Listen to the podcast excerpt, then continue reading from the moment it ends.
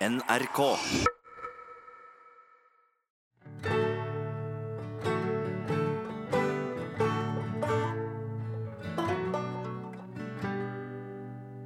Så jeg ble henta av broren min på toget. På togstasjonen på Sørumsand. Jeg gikk jo rett på låven, for jeg skulle være nissen. Så jeg hadde jo eh, Tøyet og alt sto jo eh, på låven, så jeg satt jo med Kledde jo på meg nissedrakta og satt meg bak oppi der på låven, da. Og, og Per holdt på å fôre kuene og gjøre det siste han skulle.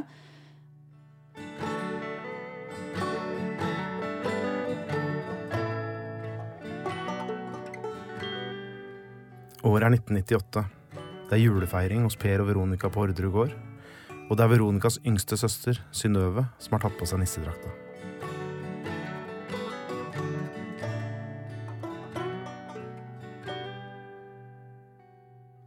Jeg hørte sånn liten stemme eh, før de lukka opp eh, døra til eh, låven.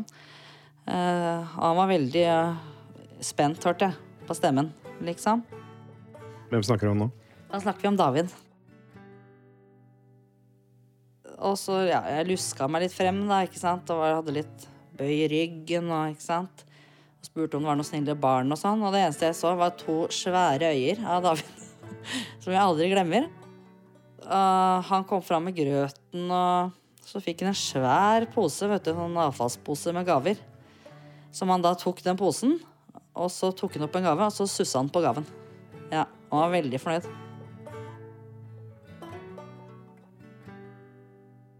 Selv om nissen er på låven og ribba står i ovnen, så er det ikke julaften på Orderud gård. Det er lille julaften. Og denne festen er kommet i stand litt sånn i siste liten, sånn at David på fire år skal få feire jul med mora si, Kristin Kirkemo, den mellomste av søstrene fra Svalveien. Vesle David og mamma Kristin de bor ikke sammen, for Kristin lever et liv akkurat nå som ikke egner seg for små barn.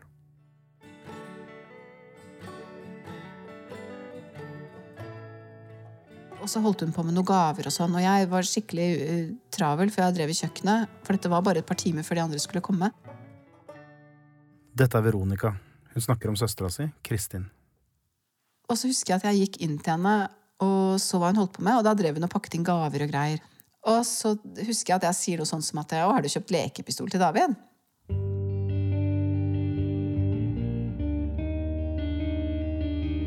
Så er det Kristin Kirkemo. Jeg spør om du erkjenner deg straffskyldig etter tiltale. Ah, nei, Kristin var helt sprø som unge. Altså. Hun fant på så utrolig mye gærent. Han trodde til slutt at han eide hele Orderud gård. Og da klikka det for meg. rett og slett. Da ble jeg så forbanna på Lars. Vi prøver så godt de kan å ødelegge livet mitt. Det kan nøye seg med å ødelegge sine egne. Mitt navn er Joakim Førsund, og dette er del tre av podkasten Familiene på Orderud. Den heter Lille julaften.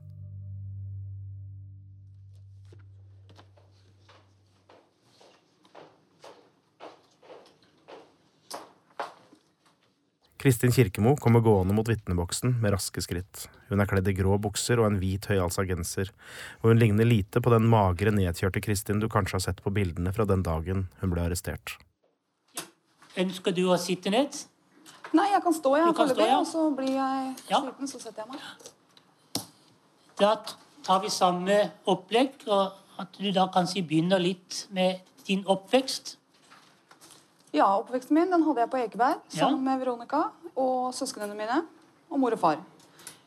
Um, barndommen var veldig aktiv. Jeg har drevet med sport en god del gjennom oppveksten. Gjennom skole og ungdomsskole. Jeg drev med lengdeløp, fotball, hester, hunder.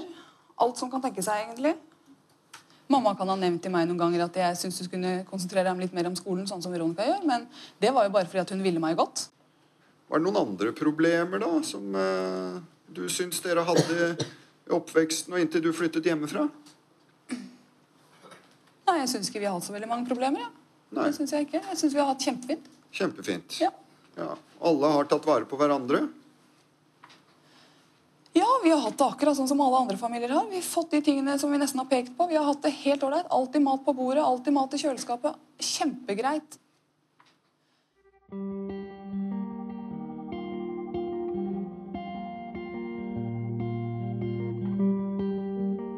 Ah, nei, Kristin var helt sprø som unge. Altså. Hun fant på så utrolig mye gærent. Dette er Veronica igjen. Hun snakker ikke med søstera si lenger, det har hun ikke gjort siden beskyldningene hagla fram og tilbake i lagmannsretten. Men Veronica og Kristin de vokste opp sammen, det var bare ett år mellom dem. Jeg husker jo en gang, da hadde hun vært på Ekeberg borte hos Thorsen og så stjålet en hest. Rett og slett bare tatt med seg en hest og bare kom vandrende hjem den, for hun skulle ha den i hagen. Da, vi hadde jo sånn gammeldags eh, klessnor, sånn, eh, en sånn rund en, vet du, sånn går rundt og rundt, ikke sant? Uh, og der hadde jeg jo da hengt opp et tau som hun da bandt rundt halsen på broren min. Da var vel han kanskje to-tre år, for han skulle være hunden hennes. da. Og så begynte jeg jo da å ta denne her snora rundt og rundt og rundt. og rundt. Så det gikk jo ikke så veldig mange rundene før han hang oppi der, og var jo selvfølgelig da blå i fjeset. Og mm, da var det jo da moren min som hadde sett dette fra kjøkkenvinduet sånn i siste sekund, ikke sant?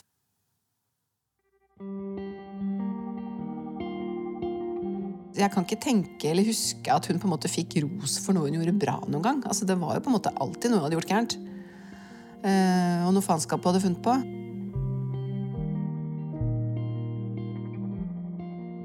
Og så drev vi med det en stund, husker jeg, og stjal bensin i gata til farmor. Jeg husker det var veldig ja, Farmor var ikke noe blid for det, for å si det sånn. For alle visste at det var Kristin. Kristin er seks år eldre enn lillesøstera Synnøve. De to har også brutt kontakten, for Synnøve har tatt parti med Veronica.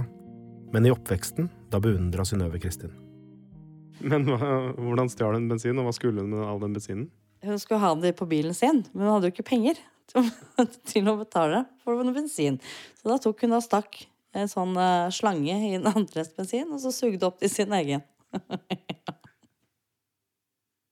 Tenkte du at storesøsteren din var litt kul, eller? Ja, jeg syns hun var litt kul. Jeg syns det. Jeg var kanskje 17 år, eller 16-17 år. Eh, Og hun sa at nå kommer du opp, og da gikk hun ned til farfar og fikk travtips. Så vi spilte trav. Så vi satt også på trav og drakk litt Irish coffee. Ja, og kosa oss. Hadde på litt musikk, og så gikk vi ut på byen. Hun kjente jo alle. Alle dørvakter, alle hvor som helst. Jeg kom jo inn overalt. Hun hadde liksom verden for sine føtter, følte jeg.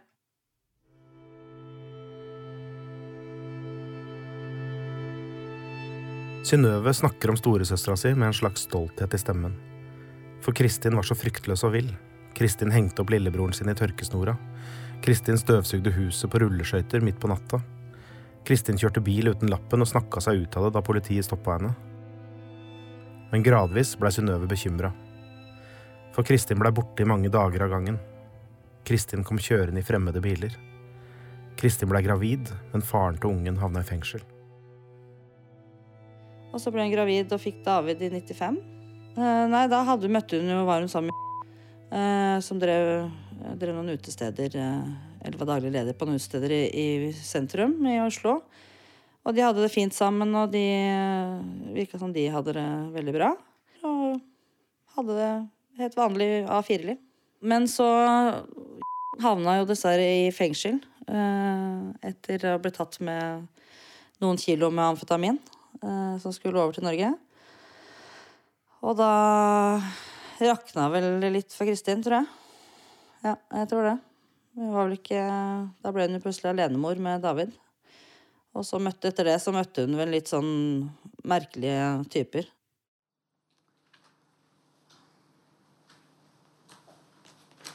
Jeg vil gjerne jeg er Kristin, hvis jeg, jeg kan kanskje kalle deg for det, for enkelhets skyld. Det går bra. Ja. Eh, at du i begynnelsen forteller oss litt om hvordan det er å være rusa på amfetamin. Ja. Det er eh, et rent strev, egentlig. Eh, man tror at man er veldig ja, konge på haugen. Man tror at man har kontroll over alle situasjoner, og at man er så overlegen alle andre. Man har en selvsikkerhet som er eh, utrolig stor. Eh, ingen skal få tatt deg på noe ord. altså Alt det du sier, det stemmer. og altså man, og så har man et jag i kroppen. sånn at man altså I løpet av den timen som du ville gjort tre ting, så har jeg gjort 17. Altså Det er et utrolig jag i kroppen. og Jeg kan begynne på én ting, og så kan jeg slutte på en annen ting, og ingenting har noe med hverandre å gjøre. altså. Så, så det blir veldig sånn rotete, rett og slett. Svimete.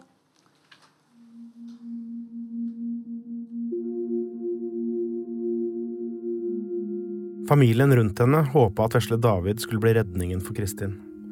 At hun skulle stramme seg opp, få seg noen bedre venner og innarbeide rutiner i livet sitt. Legge seg litt tidlig, for eksempel, istedenfor å suse rundt på rulleskøyter mens alle andre sov. Og gjerne gå turer med vogna på Ekebergsletta, koke litt grøt om morgenen, fylle ei balje med badevann om kvelden.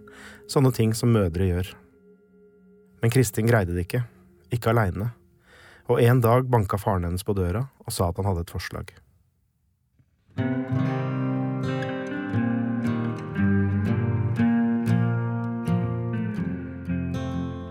Sverre Kirkemo er faren til Kristin og Synnøve og adoptivfaren til Veronica. Han bor nå i et lite hus mellom Fettsund og Sørumsand sammen med schæferne sine og kona gjennom mange år, Lise. Hei, hei. Hei, hei. Velkommen. Joakim heter jeg. Lise. Sverre. Hei, hei. Huset til Sverre og Lise er ikke så stort, det er vel strengt tatt ei hytte. Men tomta er ikke så liten, den rommer både annekser og boder og en stor garasje og en tre-fire biler og noen andre typer kjøretøy jeg ikke veit navnet på. Hvorfor er det, det står skilt om at det er kamera overvåka? Hvorfor er du overvåka der, da? Fordi at jeg ikke stoler på folk når jeg er borte og reiser. Sverre er blitt 70 år. Han har digre never, og han er fremdeles rakrygga og høyreist. Han krummer nakken på vei inn i det lille huset sitt, og inne knitrer det i peisen. Det er fullt av gamle ting her inne. Redskaper og kaffekverner og lamper og telefonapparater.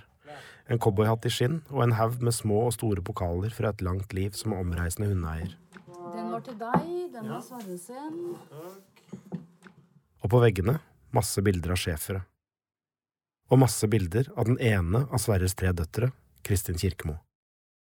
Ja, det har jeg alltid hatt. Jeg har hatt veldig mange bilder av Kristin. Kristin har jo egentlig vært en veldig pen jente hele tiden. Og, og det har jeg jo helt klart vært stolt av, at jeg har hatt ei flott datter. Og hun har jo fått lov til å være fotomodell for Adidas og litt sånn. Så ja, det er en del ting med Kristin som er, er, er sjarmerende for meg. Ja, helt klart. Det er ingen bilder av Veronica på veggene til Sverre Kirkemo. Ikke av Synnøve heller. Orderud-saken har satt dype spor i dette huset også, og det er bare Kristin Sverre har kontakt med. Føler du at du mista døtrene dine, på en måte? Ehm, Jeg mista dem ikke, men de ga meg sparken en liten stund. Ikke Kristin. Kristin har aldri avvist meg. Kristin Kirkemo vokste ikke opp i dette huset. Men det gjorde sønnen hennes. For Kristin levde først litt for utsvevende, og så var hun i fengsel, og derfor ble dette huset barndomshjemmet til David. Han var veldig, veldig begeistra for meg. Helt fra omtrent første dag han var født. Og da jeg reiste igjen, så kom det telefon i bilen fra Kristin. 'Kan du snu, pappa?' David roper og roper og roper og vil. Og til slutt så var det sånn at jeg og Lise tok han med oss, og så var han her mer og mer. Og til slutt så ble det jo sånn at eh, mammaen hadde jo helt klart eh, et uh, lite Om det er lite eller stort, det vet ikke jeg, men hun hadde jo et problem med at uh, tilføring av uh, noen stoffer gjorde at det ble en annen livsstil hos henne. Festligheter og litt Litt ja, uteliv på Kristin gjorde at hun spurte at hun kunne være her. Og, og da var vi på et familiekontor og ble enige om at de skulle ikke da ta noe ansvar for David. Det skulle jeg og Lise ha. Du hører det kanskje, at Sverre Kirkemo mumler og nøler og uttrykker seg klønete når han snakker om denne vanskelige tida. For her sitter han altså, en aldrende mann som en gang, for drøyt 20 år siden, måtte ringe på hos dattera si og fortelle at nå, nå tar jeg med ungen din, for nå går det ikke lenger. Men eh, du og Kristin, dere var enige om den ordningen, eller? Ja, vi var helt klart det var enige om at David skulle være her. Kristin var mye oppover her og besøkte David. Og, og David han, han satte pris på at henne kom, men eh, han syntes det var helt greit å forholde seg til det å bo hos oss.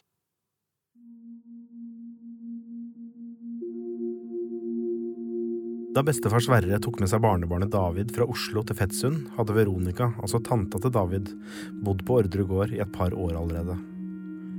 Og ganske raskt begynte Sverre og David å besøke Orderud, sånn at David kunne leke blant traktorer og kuer hos onkel Per og tante Vero. Mora hans, Kristin, levde på dette tidspunktet et ganske omflakkende liv som rusmisbruker i Oslo, og skulle snart treffe Lars Grønnerød, den fjerde dømte i trippeldrapssaken.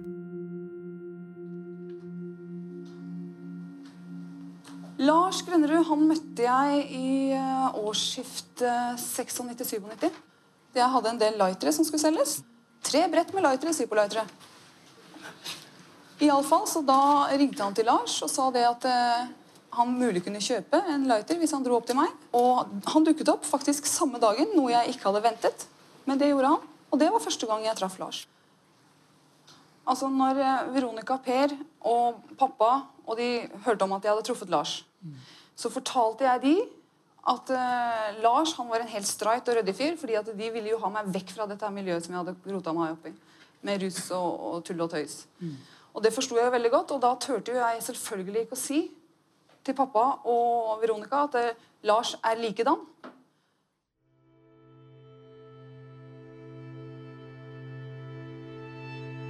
Lars Grønnerød er mannen som kunne levd et vanlig og anstendig liv, men som valgte å ikke gjøre det. Er i hvert fall det folk sier. Hvis du leser om Lars på nettet, så står det at han vokste opp i en velstående familie i Bærum. At han var utvekslingsstudent i USA, at han kjørte slalåm, og at han var svømmeinstruktør, at han drev med judo. Det står at han kunne blitt rik, at han kunne arva kjøpmannsvirksomheten til familien. Det står ingenting om hva drømmene hans var. Det står ingenting om hvor det gikk galt. Hvorfor han endte i det såkalte kriminelle miljøet på Oslos vestkant, der han forelska seg i den blonde jenta fra Ekeberg, Kristin Kirkemo. Dette er Veronica Orderud igjen. Første gang jeg traff Lars, så tenkte jeg liksom at ja, men gosh a meg, liksom, han der virker jo ålreit, og han virker jo skikkelig, og, og liksom har ting på stell, og ja, og særlig da hun fortalte det at han var jobbet som butikksjef i butikken til foreldrene, og liksom, det hørtes jo veldig sånn ordentlig ut, da. Så jeg tenkte at liksom, gosh, dette her var jo greit. Når skjønte du at det ikke var så greit, da? Jeg skjønte jo ikke det egentlig, eller at det ikke var så greit. Det skjønte jeg jo da ikke før Kristin begynte å komme med sånne små drypp da, om at eh, når han drakk kaffe om morgenen, så hadde han to teskjeer amfetamin i kaffen. og sånne ting. Det, det var jo sånn som kom liksom da, sånne små drypp liksom i etterkant. For da, ble, da inviterte Kristin Per og meg på middag. Hun skulle lage middag hjemme i leiligheten til Lars Grønnerød. Og da fikk vi en stol.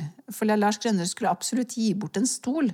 Antagelig var dette Kristins idé. at Per skulle få den sofaen. Hun mente at han trengte en sånn ordentlig god stol, og så sitte og slappe av fra TV-en. altså det mellom fjøsdelen og sånn. Og hvert fall fikk denne stolen ned og på henger, og fikk den her opp og inn på Orderud gård og greier. ikke sant? Og idet vi liksom da får den inn og får satt den på plass i stua, sånn, så bare ramler det ut uh, sprøyter. Altså brukte sprøyter og sprøytespisser av denne stolen. Uh, og da fikk jo Per helt panikk, selvfølgelig. Da. Så jeg måtte jo hente hansker og liksom støvsuger og bare gå gjennom hele stolen. ikke sant? Så da, vi skjønte jo at dette her ikke var så tilforlatelig og greit som de skulle ha til. Da. For det er jo ikke så mange som har stoler fulle av sånt, liksom.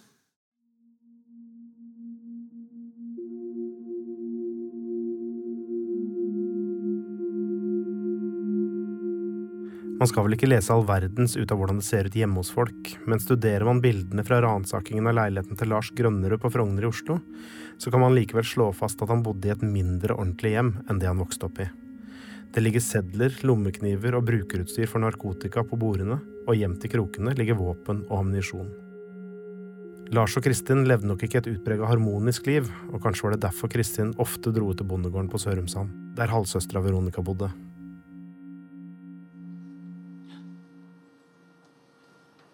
Hvis vi da går tilbake til Orderud gård eh, utover høsten nå, var det mye på besøk da?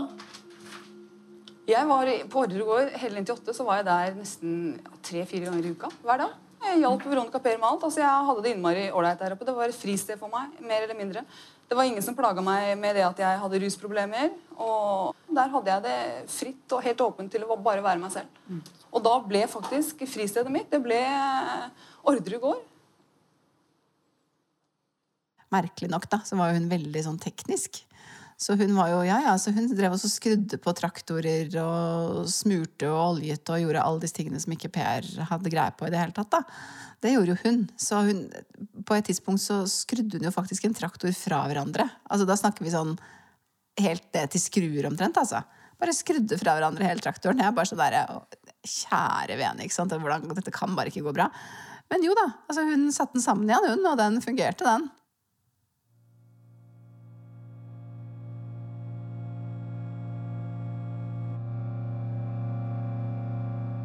Det kan nå se ut som Ordre gård var blitt veldig viktig for enda et menneske, nemlig Kristin Kirkemo. For Kristin var Ordre gård mye mer enn et trygt sted med fuglesang og frisk luft. For Kristin var Ordre gård et sted hvor hun kunne være sammen med søstera si og faren sin, og aller viktigst sønnen sin. Så hun for seg en framtid for David på Ordre gård? Var denne kampen om gården mellom Per Orderud og resten av familien hans viktig for Kristin også? Dette er tante Veronica, eller tante Vero, som hun visstnok også ble kalt. Hun snakker om nevøen Davids besøk på Ordre gård. Han var jo der hele tiden, og han var jo Han kunne jo alt, ikke sant? Altså, han var jo med i fjøset hele tiden, han var med på jordet hele tiden. Han var jo en skikkelig liten gårdsunge, ikke sant? Så jeg tror nok Per også syntes det var moro, da. Og så var det det at David syntes det var så stas å være med Per òg, så det er klart at da blir det jo litt ekstra. Eh, Sverre var jo kjempestreng på at hvis Kristen var rusa, sånn, så fikk hun jo ikke treffe David. Eh, og i utgangspunktet så var jeg selvfølgelig helt enig i det, at hun skal jo ikke ha noe med David å gjøre når hun er rusa. Men så kom man jo liksom på en måte et slags et sånt veiskille, da. At det vil jo da si at hun aldri fikk treffe David, for hun var vel antagelig konstant rusa. Så hun fikk jo selvfølgelig meg til å synes synd på henne. Og gråt jo og syntes jo det var så forferdelig at hun aldri fikk se David. og så da ble det jo litt sånn at det ble hennes mulighet til å se David når han var hos meg, da. Stemmer det at dere, du og Per, på et tidspunkt hadde en uh, plan om å testamentere gården til David? Ja, det stemmer at uh, Per og jeg laget jo et sånt utkast til testament hvor vi testamenterte gården til David. Men det var jo da liksom i, for det tilfellet at ikke vi skulle få barn, og sånn, så ville vi jo at David skulle ha gården. Før Veronica kom til Sørumsand som praktikant, var det stille på Orderud. Det var det gamle ekteparet som pusla rundt oppe i kårboligen, og så var det sønnen deres, den enslige, stillferdige Per, som stelte i fjøset. Men så begynte de å komme, én etter én, disse kirkemoene fra Oslo. Og en av dem som var der aller mest, det sier han sjøl i hvert fall, var Sverre Kirkemo så kom han jo da i kontakt med Per og blei mer kjent med han. Og kom inn i fjøset og blei litt mjelking og sånt, og flytting av kveg og litt sånt. Ja, det, og så, så blei man jo mer og mer eh, skal vi si gårdsgutt, da. På, på gård. Og mens jeg da dreiv og, og gjorde reint og stelte og sånt, så kom plutselig Marie og Christian inn i fjøset, og så berømte dem litt, at det så litt greit og reint og fint ut. Og jeg vokste jo litt på det. Jeg syntes jo det var hyggelig å få den gamle oppsitteren av hele bruket, at han så da at det var trivelig. Og da kom Marie bort og sa at de ønska at jeg kom en tur på kvelden og spiste middag og vi kunne prate litt. Og da satt Christian og fortalte om sin ungdom, om, om at han hadde vært skihopper. Og han sa så mye, så jeg kan ikke huske alt, men det var en trivelig førstetreff på kårboligen. Han hadde jo sånn lite klengenavn på meg, så sa han nå kommer han der verdensmesteren fra Oslo. Kalte Kristian deg det? Ja, Kristian han sa han er verdensmesteren fra Oslo. Han som egentlig kan alt mulig. Men han mente vel kanskje at jeg ikke kunne noen ting, men prøvde på alt.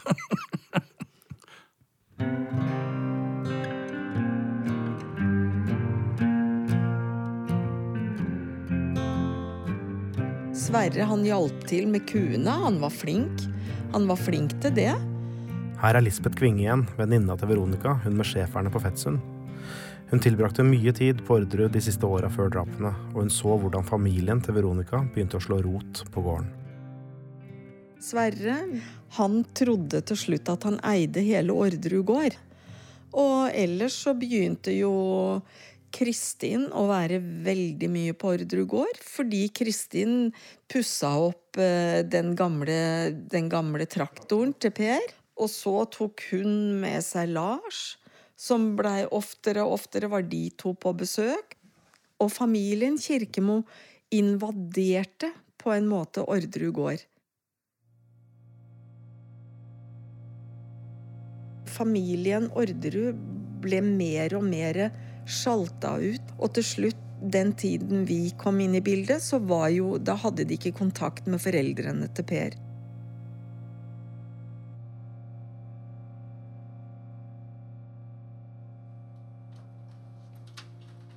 høsten 1998 så ble du bedt av Per og eller Veronica om å skaffe våpen. Er det riktig? Ja, det er riktig. Det er riktig. Eh, hva slags type våpen var det det var snakk om? Håndvåpen. Håndvåpen? Ja, Ja. Var det det ordet som ble brukt? Ja. Aha. Eh, hvem var det som spurte deg? Var det, var det Per eller Veronica? Eller Veronica Veronica. spurte meg om det. Ja. Det var etter attentatene. Mhm. Eh, hvor lenge etterpå, det er jeg ikke sikker på. Men eh, de nevnte det at de var redde. For eh, det hadde skjedd merkelige ting på gården. Det hadde vært merkelig trafikk der. Kuer hadde dødd. Mm. Og vil gjerne ha våpen til å beskytte seg selv.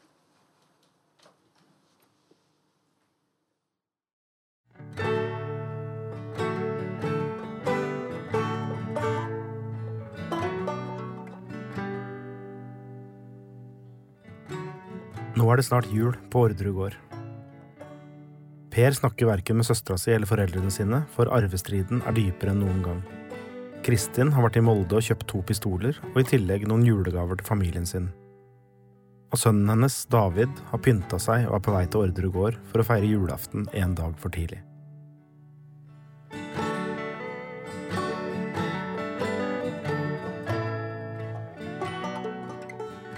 Snart setter Veronica ribba i ovnen. Snart kommer lillesøstera hennes, Synnøve, med toget til Sørumsand for å være nisse. Men først kommer Kristin. Hun parkerer rett utafor døra og bærer alt hun har med seg fra Molde, inn i stua på Orderud gård. Og så parkerer jeg bilen foran kjøkkenvinduene. Tok eh, med meg både den sekken som jeg hadde med alle klærne mine, og våpen og alt i, med meg inn. Og jakka og det som jeg hadde med meg, tok jeg med meg inn. Og så posene med julegaver. Nå står vi foran et av de øyeblikkene som definerte hele Orderud-saken. Nå går det første skuddet av.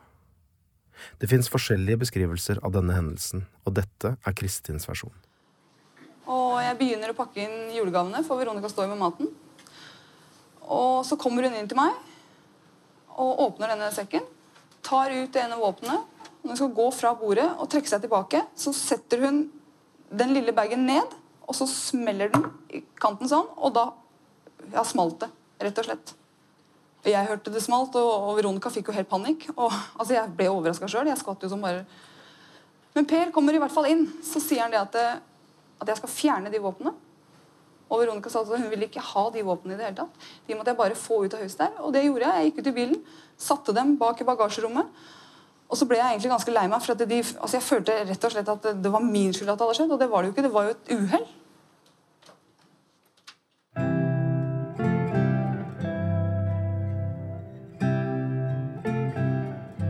Så pakker de vekk pistolene, lufter ut kruttlukta og legger en duk over merket i stuebordet. Og så kommer jula til Orderud gård. Så spiste vi ribbe og pølser og medisterkaker og riskrem og mandel og, og hele pakka. Og så var det kaffe og kaker. og akkurat Det var akkurat sånn som man normalt feirer julaften på Østlandet. da. Og der satt vi jo Ja, det var mamma, så var det meg. Så var det da kjæresten til min broren min, eh, datteren deres og min bror, og Per og Kristin. Og David. Som satt der, og juletreet var allerede pynta, for det hadde David pynta dagen før. Sammen med tante og Per. Mm. Så, så spiste vi middag, og så plutselig kommer Lars inn. Lars hvem? Eh, Lars Grønrud. Kommer inn eh, helt plutselig. Altså, det var ikke noe banking på døra. Han sto plutselig bare i gangen. Ja, han sto der, og det var ikke dekt på til han var ingenting. Så egentlig så stå, satt vel både alle og så på hverandre og tenkte ok. Men vi gjorde ikke noe nummer ut av det, så Veronica gikk bare stille og henta en ny tallerken og, så, og dekte på til Lars, da. Så begynte vel kanskje folk å strekke litt på seg og se på klokka, sånn som man gjør når familieselskaper har vart en stund. Sverre Kirkemo kom og tok med seg lille David, og de andre gjestene reiste seg i tur og orden. Tok på seg skoa og ønska god jul. Til slutt var det bare de fire igjen. To søstre og deres menn. De samme fire som seinere ble dømt for medvirkning til overlagt trippeldrap. Per, Veronica, Kristin og Lars. Hva de gjorde resten av den kvelden, lille julaften i 1998, har de forklart seg ulikt om. Men her får du Kristins versjon. Så jeg hentet de våpnene og satte de ved peisen. Eh, Jeg gikk bort og satte meg ved spisebordet igjen. Og Da tar Lars og Per frem de våpnene. Og De kikker på dem, og Lars forteller noe om at det er en Ruger og det er en Luger. Det er kaliber 22. Dette her er våpen som han eh, Som ble brukt under eh, annen verdenskrig. Tyskerne brukte dem. Så da har de tatt fram hansker. Sånne plasthansker. På hendene. Og fortsetter med disse våpnene. Og de bytter er- på. Hvem hadde tatt på seg hansker? Lars og Per og Veronica hadde satt på seg plasthansker. Og så kommer det i prat at eh, Veronica og Per sier det at eh, de ønsker sine svigerforeldre døde, og Anne Orderud og Per Paus døde. For hvis ikke så ville verden falle om dem. Videre så sier Per det at han eh, han kunne bare få det til å se ut som et innbrudd. Han kunne ta seg rundt skogbrynet og på toppen på baksida av huset, kårboligen, og knuse en rute i verandavinduet bak. Og låse opp døren fra innsiden og, og gå inn som det skulle vært et innbrudd. Dere kan jo ikke drepe noen pga. en gårdstvist, sier jeg. Og da er første gang jeg har sett Per sint i hele mitt liv. For han, han reiser seg ikke opp, eller noe sånt, men han kikker på meg med øynene, og så sier han Skjønner ikke du hvor seriøst dette her er, Kristin? Og så reiser Veronica seg, og så snur hun seg til meg og så sier hun, Skjønner ikke du konsekvensen av dette, Kristin? Enten så er det vi som dør, eller så er det de som dør. Og så sier Lars Skjønner du ikke, Kristin forstår vel ingenting? Og da klikka det for meg. rett og slett. Da ble jeg så forbanna på Lars. Han sittet der hele kvelden og liksom var så kjekkas og vis våpen og styra Arna. Så jeg ba Lars dra til helvete. Han kunne bare bli der. Så gikk jeg ut i gangen. Så han kom løpende etter meg. Kasta meg opp mot veggen, la armen sin over strupehodet mitt. Og jeg roper på hjelp til Veronica Per. Kan dere ikke få han til å slutte med det her? Men de står bare på kjøkkenet. Og jeg ser dem i den dørsprekken. De står bare på kjøkkenet og gjør ingenting. Og så sier han det. Er det noen som driter seg ut, Kristin, så er det i hvert fall deg, og det er vi alle tre enig i.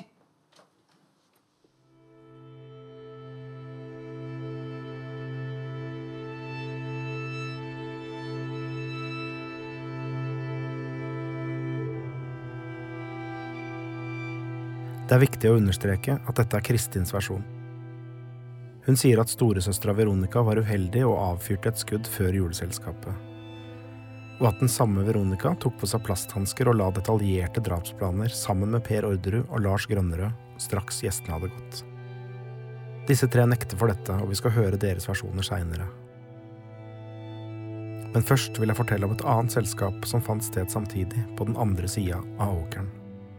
For oppe i kårboligen hadde Christian og Marie Orderud pynta sitt siste juletre og invitert Christians lillebror Hans og kona Annie på kaffe og kaker. Det er sønnen til Hans og Annie, Harald, som forteller. Da var moren og faren min oppe hos Marie og Christian, og så var det jo da snakk om hvem som skulle være hvor på julaften. Og da sier min mor til Marie at eh, hvis dere skal sitte aleine i morgen, så kan dere vel like gjerne ta dere en tur ned til oss, for vi blir også aleine i morgen kveld. Da sier Maria at det har vært veldig hyggelig, Annie, men eh, jeg håper da at kanskje vi kan bli invitert ned på gården. Lite visste jo Marie at eh, det var jo da de satt og planla drapene.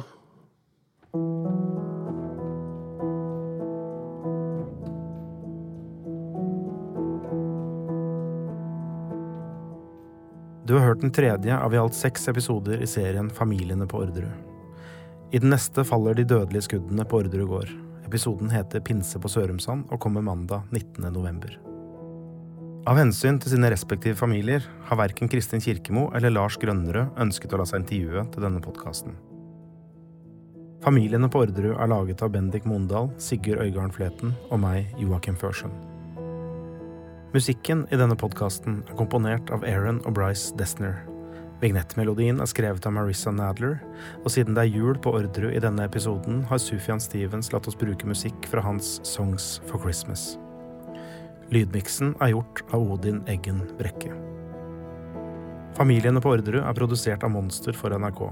Vilde Hjort Batzer er redaktør, og du kan komme i kontakt med oss ved å sende en mail til podkast at nrk.no. Alle episodene av Familiene på Orderud blir gjort tilgjengelige i appen NRK Radio.